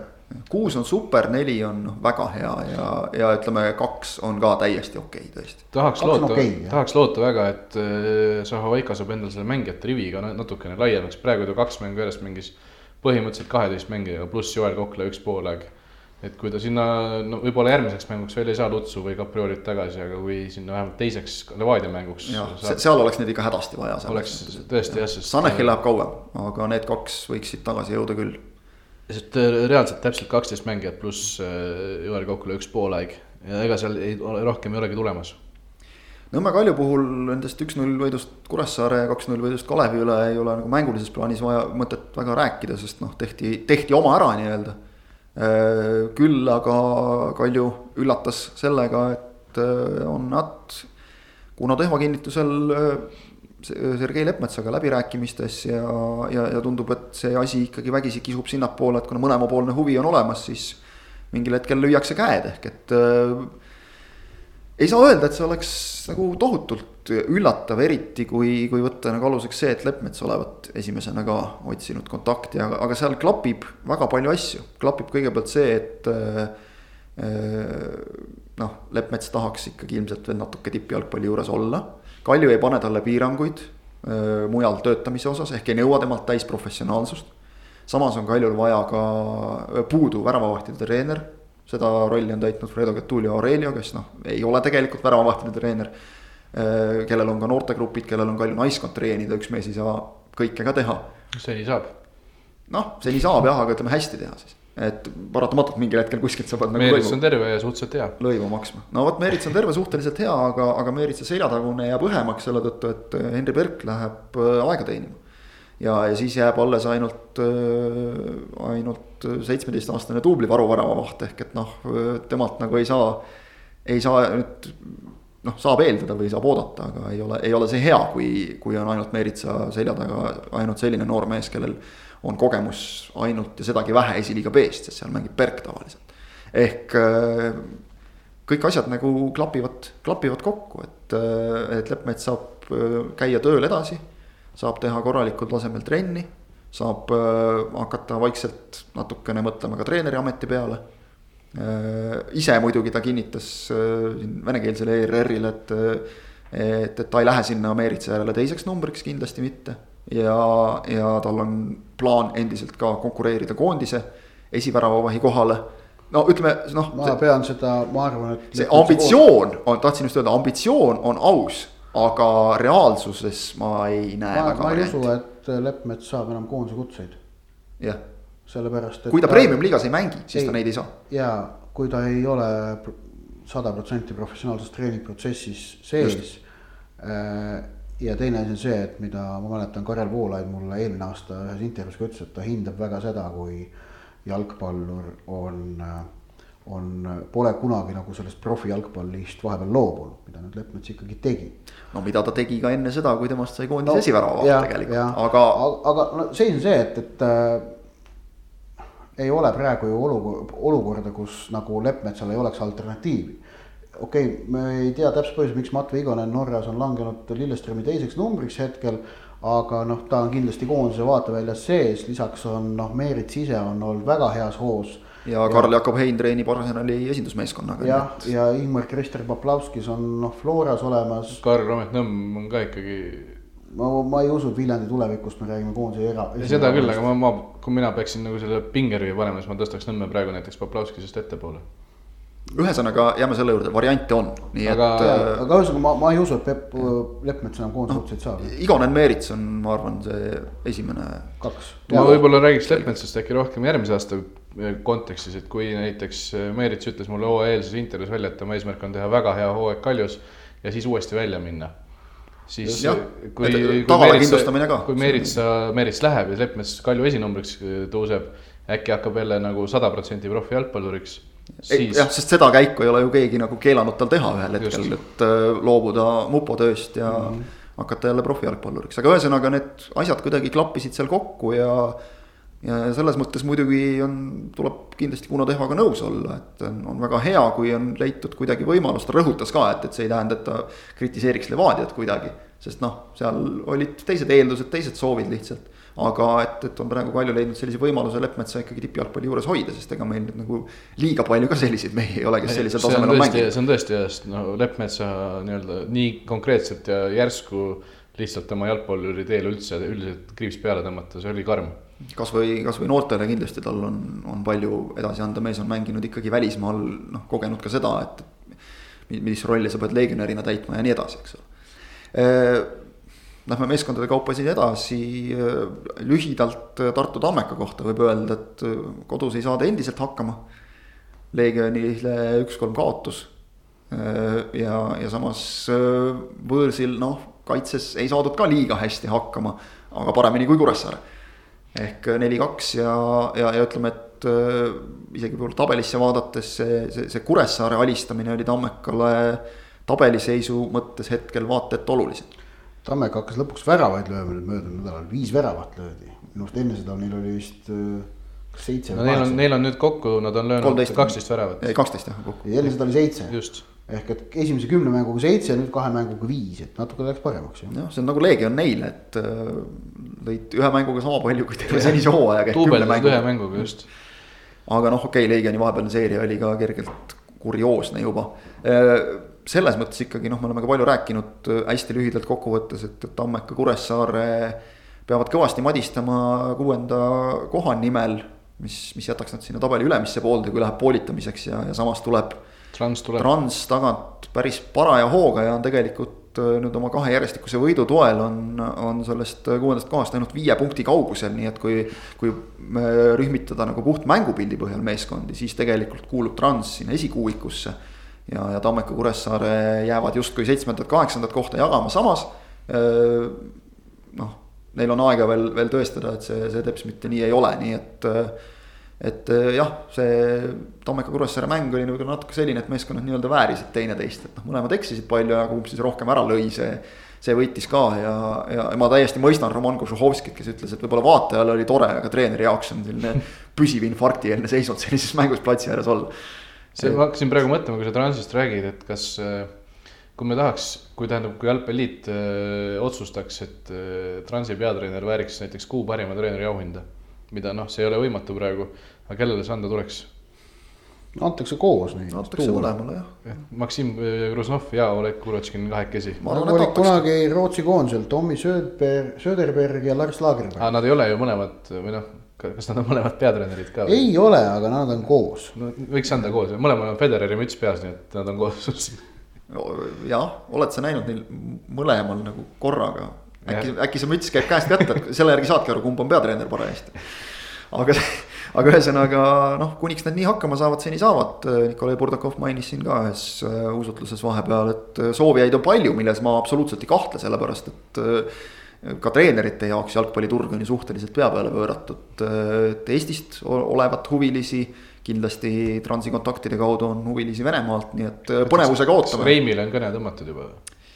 ei tea, ei tea, aga oleks variant, oleks variant. Leegionist me juba rääkisime, võibki hästi lihtsalt vist kokku võtta nende selle nädala mängud, et Tammekale löödi oma võimalused ära. eriline kaabukergitus siinkohal Nikolai Mažitševile, väga ilusa tabamuse eest üks, üks tal tuleb ikka aastas, eelmine aasta oli ju Kalju eest Maardus äkki või? et, et noh, seal ikkagi nagu klassi selles jalas on. et, et võib-olla temast tunti ka Levadia vastu puudust ja Levadia vastu ära ei löödud, nii ta jäi. Äh, Transist ka rääkisime, Tallinna Kalevi seis noh, tulemuste poolest ei ole nagu viga, aga äh, kahe mängu kokkuvõttes null kuus mängida Levadia ja Kaljuga noh, ei ole hullu. aga, aga võib-olla mängupildi poolest on, on natukene Liivo Leetmaal muret, äh, samas nende no,. Levadia mäng oli okei okay tegelikult, Levadia mäng Kalevi kohta oli normaalne. okei okay., vaat eks nende, nende mängud tulevad, tulevad nüüd selliste natuke omasuguse vaatega, et, et Kalevil sel hooajal noh, selgelt ikkagi suurtele vastuhakkamiseks natukene tulejõudu.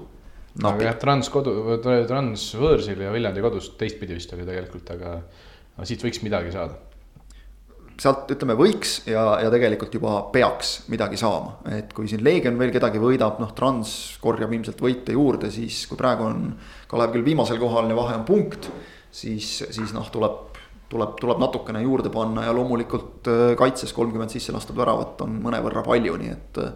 et, et seal vast tuleb, tuleb ka asju natukene rohkem lukku keerata, aga eks Leetmaa põhiprobleem ongi see, et saada asjad kaitses korda ja samas mängida kaitses nii, et sealt õnnestuks ka rünnakule ettepoole midagi ehitada, nii et nagu oleme juba korduvalt maininud, põnevaid mänge on. on väga palju tulemas sel nädalal, siis, siis ees ootamas. Noh, kasvõi jätame need Paide, Paide Kalju ja, Levadia Florad jätame kõrvale, see tähendab, kui esinelik mängib omavahel, et tagapool otsas on ka põnevaid kohtumisi, võib-olla Kalev tulevik on selline natukene noh, võib-olla etteaimatavam, aga, aga samas äh, Leegion Kuressaare kindlasti põnev mäng ja, ja Tammeka Trans samamoodi. Tammeka Trans on niisugune ajalooline värk juba, et seal oh, seal, seal, seal juhtub alati. seal juhtub ja, ja, ja vaatame, kas noh. siin Tammeka on ja Trans on mõlemad olnud osalised mängus, kus nagu hästi palju lüüakse. tavapärane kuus-neli tuleb jah, ei tea, ei tea ainult kummale poole. võiks tulla ja ei, ei vaidleks üldse vastu, kui tuleks, oleks väga tore aga meie oma saate viimases osas äh, läheme siis äh,, olid ajad, olid mehed rubriiki. kaks tuhat neliteist mm ja, ja nagu sa, Rasmus siin enne salvestuse algust äh, tõdesid, siis päris palju, päris ägedaid asju juhtus, oli kõva turniir. see oli tõesti kõva turniir, ärme siis sinna Belo Horizontesse veel lähe.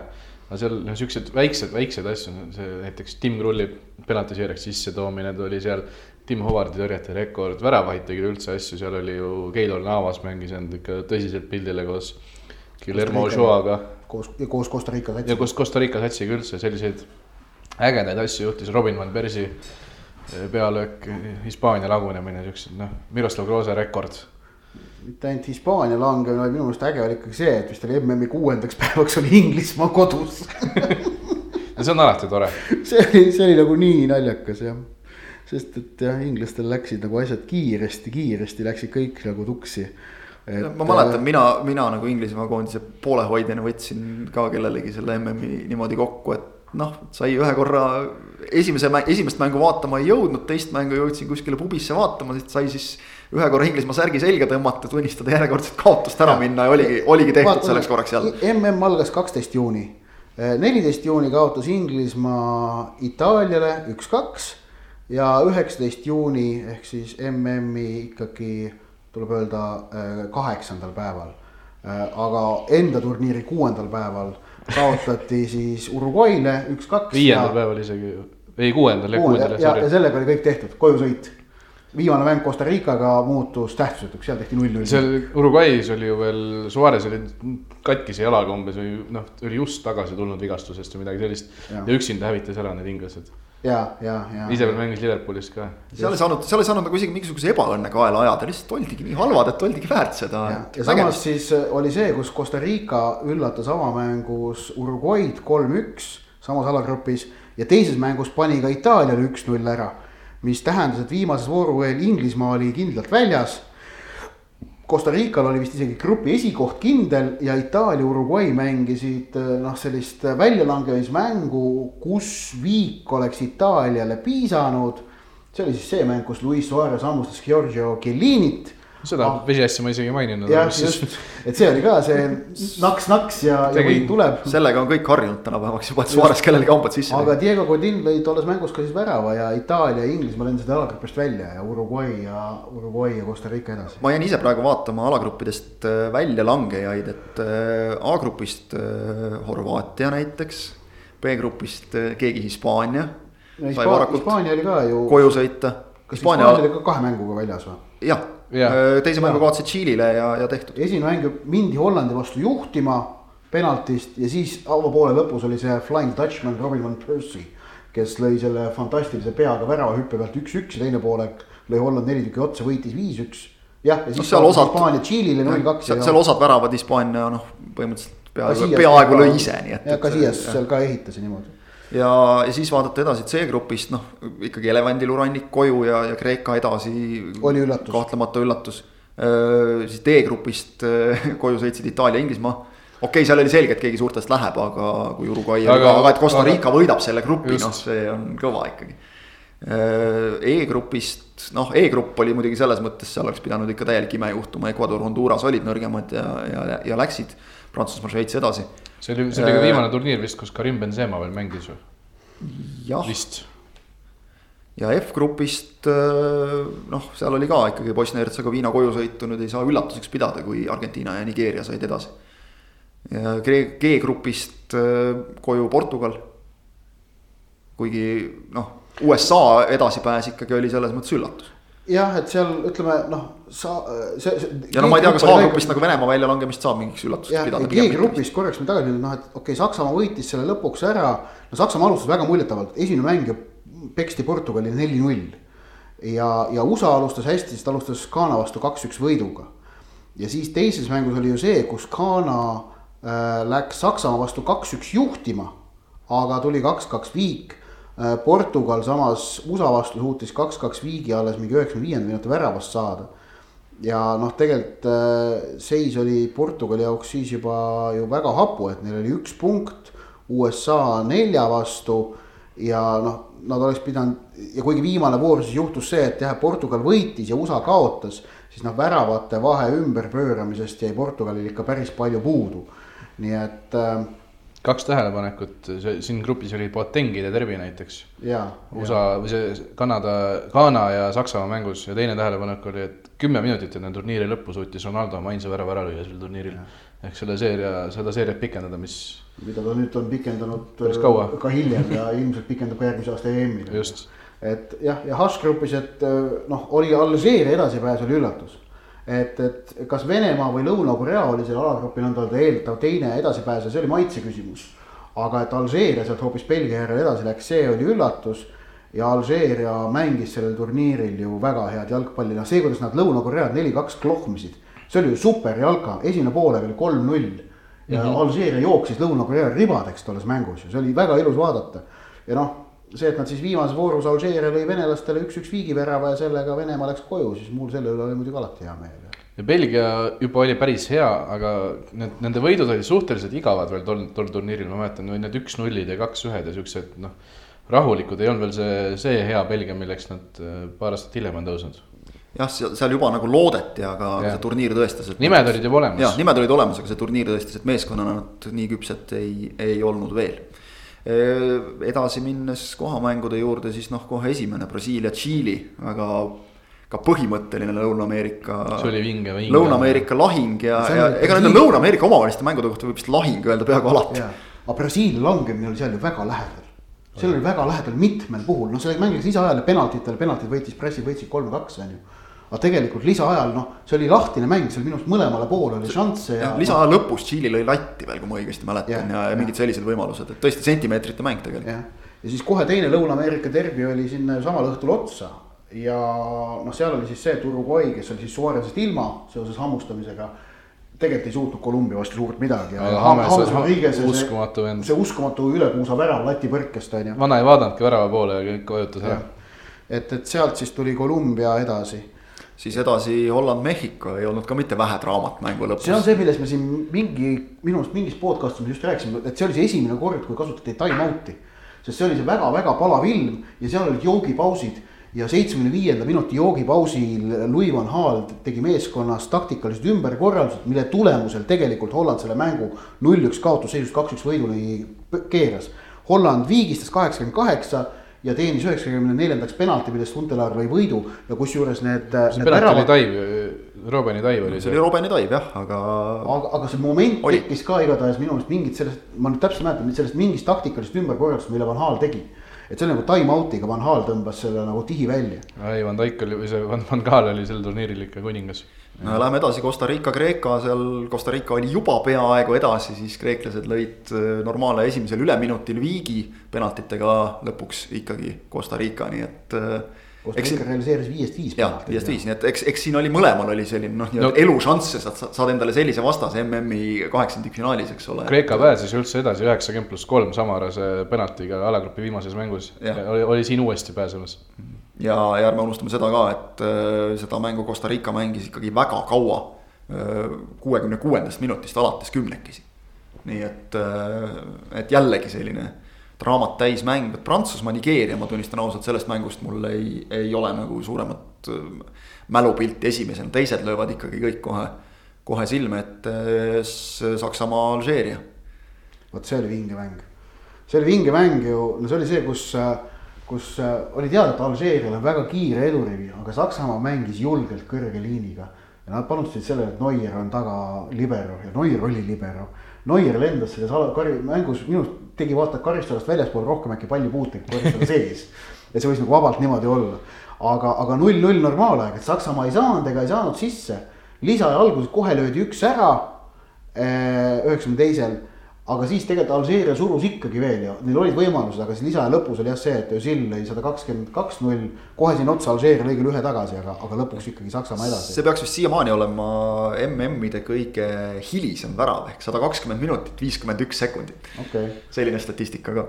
ja siis kohe sinna otsa tuli, järgmine päev tuli veel üks lisaaja mäng, kus. kaks lisaaja, järgmine päev oli kaks lisaaega veel. ja okei okay,, aga esmalt oli see Argentiina-Šveits, kus äh, kus noh, Šveits oli ülilähedal penaltiseerijale, aga Angel Di Maria seda kaheksateist lahendas ikkagi ära. ja Angel Di Maria näol suhteliselt äh, objektiivselt isegi lähenedes, ma arvan, tegemist oli Argentiina koondise parima mängijaga sel turniiril. ja kindlasti, kindlasti., Lionel Messi selleks kindlasti ei olnud. ja siis viimane kaheksakümnendfinaal oli Belgia, USA. ja ärme unustame seda ka, et Šveitsil oli tegelikult pärast Di Maria väravat veel väga hea võimalus viigistada ikkagi ja lõid posti.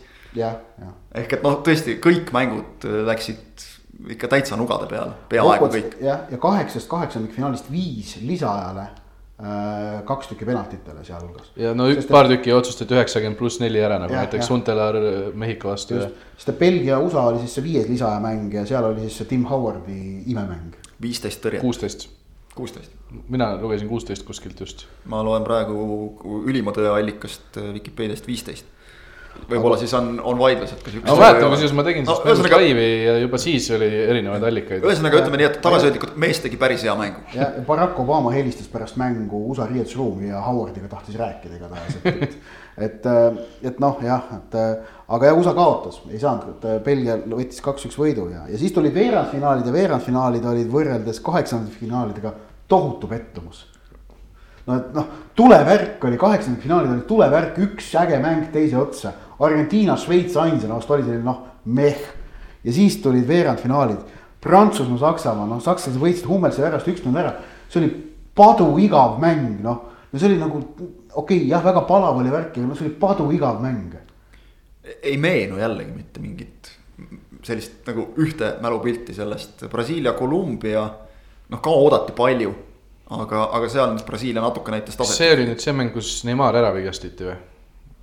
ja Diego Silva, Diego Silva sai kollased ja ta jättis poolfinaali vahele. ja seal oli see mäng, kus jah, Neimar sai vigastatud, mina sellest mingist äravigastamisest see on no, brasiillast, see on sama jutt, et, et Sergio Ramos vigastas äh, Mohamed Salahi ära. keegi oli noh vigastaja. Zuniga, Zuniga jah, õhuvõitlus hüppas Neymarile selga küll, aga. aga see oli olu-, mänguline olukord. absoluutselt mänguline. siin on juba see loogika, et, et äh, hüpata põlvega mehele kuidagi selga, noh, see on, see on nagu nii jabur. et ta, et ta seda selgrolülli natukene ära murda, noh. see, see on, see on juba iseenesest nagu jalgpalli mõttes niivõrd jabur sihuke katse kedagi vigastada, kui sa tahad kedagi vigastada, sa sõidad talle jalgadesse lihtsalt, eks ole, et, et noh see, see loogika räägib juba selle vastu, aga, aga eks muidugi brasiillastel ütleme, et hiljem tuli nagu, oli nagu vajadust ka otsida teatavaid põhjendusi teatavatele asjadele, mis juhtusid. jah, Argentiina-Belgia üks-null ka ei mäleta Higuaini väravast kiirest. ja siis tuli Holland-Costa Rica, see oli see, vot see oli noh, null-null mäng ja see oli siis see jah, kus sada üheksateist või sada kakskümmend teeb Van Hal vahetuse, et vahetab väravavahti. Et võtab, võtab Chileseni välja, Chilesen ütleb, mida kuradit on ju, tõi Tim Krulli sisse. tegelikult ei ole Tim Krull parem penaltitõrjuja kui Chilesen, aga selle vahetusega tekitas äh, Van Hal Costa Rica mängijates sügava veendumuse, et ta tõi nüüd sinna mingi rämeda penaltispetsialisti ja sellega ta Costa Rica vennad enesekindlalt. oleme ausad, Tim Krull on tegelikult hea penaltitõrjuja. ja ta sel aastal isegi Tottenhami vastu näiteks ma, Norwichiga. ma ei julge nüüd võrrelda teda tingimata Sillesseniga, aga et noh, kumb nüüd No. parem on, aga, aga muidugi siin penaltiseerias äh, sai jälle kinnitust see jalgpallitõde, kui on penaltiseerija, väga tihti eksivad meeskonna suured staarid. Brian Ruiz oli seekord. Costa Rical see õnnetu mees. just, et, et ma olin tolles mängus, ma mäletan, ma olin väga Costa Rica poolt, mul oleks, see oleks minu arust olnud niivõrd punk, kui Costa Rica oleks läinud nagu MM-i poolfinaalis mänginud. Aga Costa Rica poolt olid sel turniiril paljud vist tegelikult, sest nad mängisid ka päris nagu ägedat vutti, et see oli vahva ja no alati midagi ei ole teha, Eestis tekib see, et oh, ikkagi väike riik mm. -hmm. et ne, neil hoia, hoiame pöialt. kuigi jah, see Costa Ricale nagu omapärane jalgpall, ta ei olnud niivõrd eristatav. no ma ütlen seega, kas see oli kaks tuhat kaks või kaks tuhat kuus? Kaks tuhat kaks oli. pigem vist kaks tuhat kaks. no ta siis olid Brasiiliaga samas jah, jah, arengus. et siis oli näha, et Costa Rica, vaata, kuna Costa Rica liiga on ikkagi selle CONCACAF-i regiooni üks tugevamaid pärast Mehhikot ja USA-d. aga ta on ka üpris niimoodi eraldiseisvana seal arenenud, et ühesõnaga see kaks tuhat kaks MM-il oli näha, et Costa Rica mängis nagu, ma ei tea, hoopis teistsugust jalgpalli kui kõik teised satsid. sellist nagu omapärast söödumängu ei olnud see tingimata väga efektiivne, aga seda väga huvitav vaadata. nüüd kaks tuhat neliteist nad enam niivõrd palju ei erinenud kõigest muust. et selgelt on näha, et palju rohkem mängijaid on Euroopas, on mujal, et nad olid sellised noh, ühtlasemad. ja nüüd me jõuame siis. kuues ja seitsmes juuli olid ära, nüüd tuli kaheksas juuli. Mineraasu juurde ja et kuidas, ehk kuidas, siis äh, äh, Minerao agoonia staadioni järgi. jah, agoonia on vist väga tabav sõna selle kohta. kuidas loe, kuidas loetakse Brasiilias seitsmeni? Müller, Klose, Kroos, Kroos, Kedira, Sürle, Sürle. brasiillastel ei maksa vist, ma ei tea, järgmised kaks sajandit sellist nalja teha, see, Mul- see oli ikka, see, see oli ikka rahvuslik šokk tegelikult. mul meeles on, ma kaheksandal juulil ikka postitan sotsiaalmeediasse selle, kus on see, on selline laul küll kõlab nagu Brasiil la la la la la la ja näitab seda selles noh, piklikus joogiklaasis mingit kokteilikest. ja siis tuleb äh, lihtsalt selline kaheliitrine õllekann, mis lööb selle üle-alla lihtsalt puruks niimoodi Deutschland.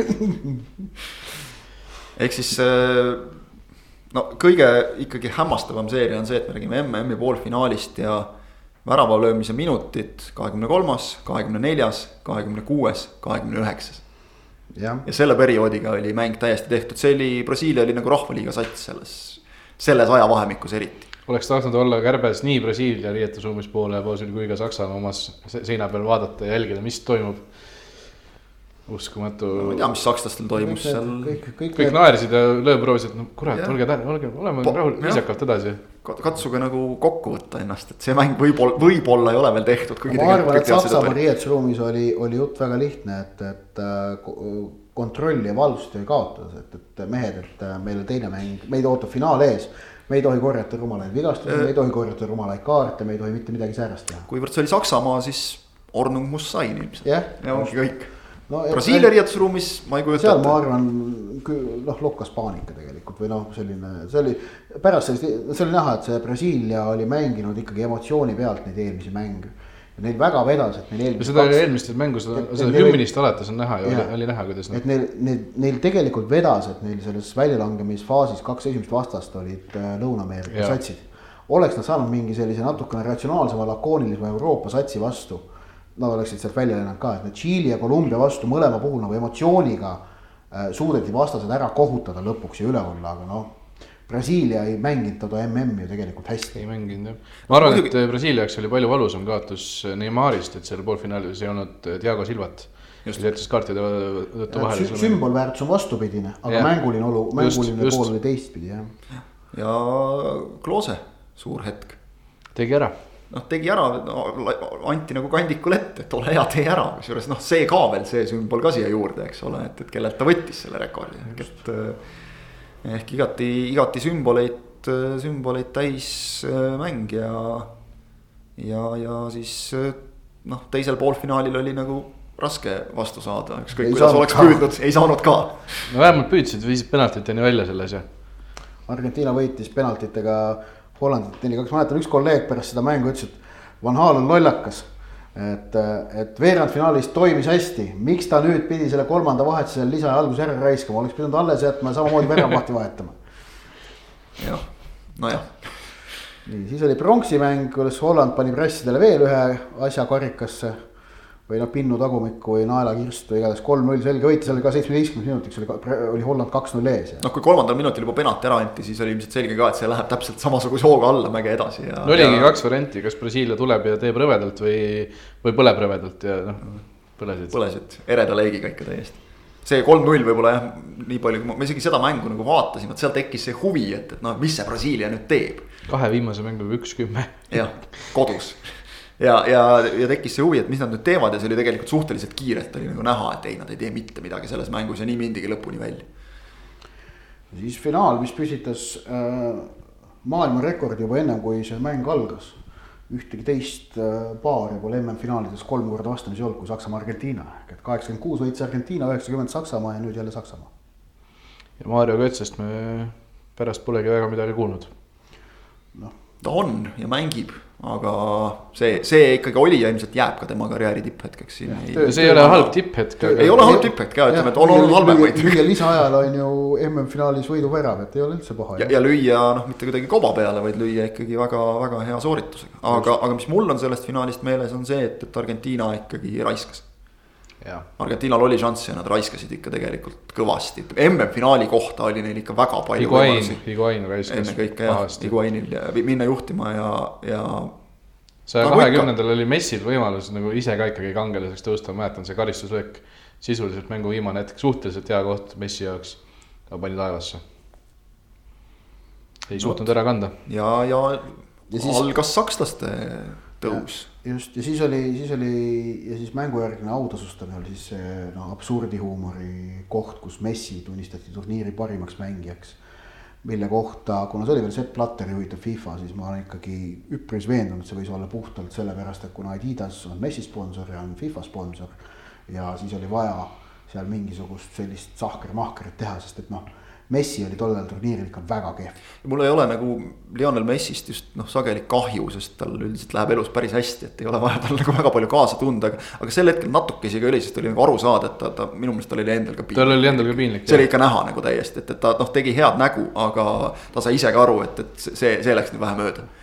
hea mängumees ikkagi noh ei, ei taha nagu saada tunnustust siis, kui ta ei ole seda ära teeninud, kui ta ise ka tunneb. ütleme järgmine mm Luka Modric oli oluliselt rohkem sama auhinda finaali kaotusest vastu võttes väärt seda. jah, absoluutselt. see ei tähenda seda, et noh, kaotaja võiks saada, eks ole, aga, aga mitte Messi. jah, et või kaks tuhat kaks oli see klassikaline juhtum, noh, et siis oli veel see, kui valiti, otsustati ära juba enne finaali ja, ja kaks tuhat kaks valiti ju Kaan täiesti mm -hmm. nagu põhjendatult kuue esimese väga hea mängu eest ja finaalis Kaani käkist Saksamaa kaotas.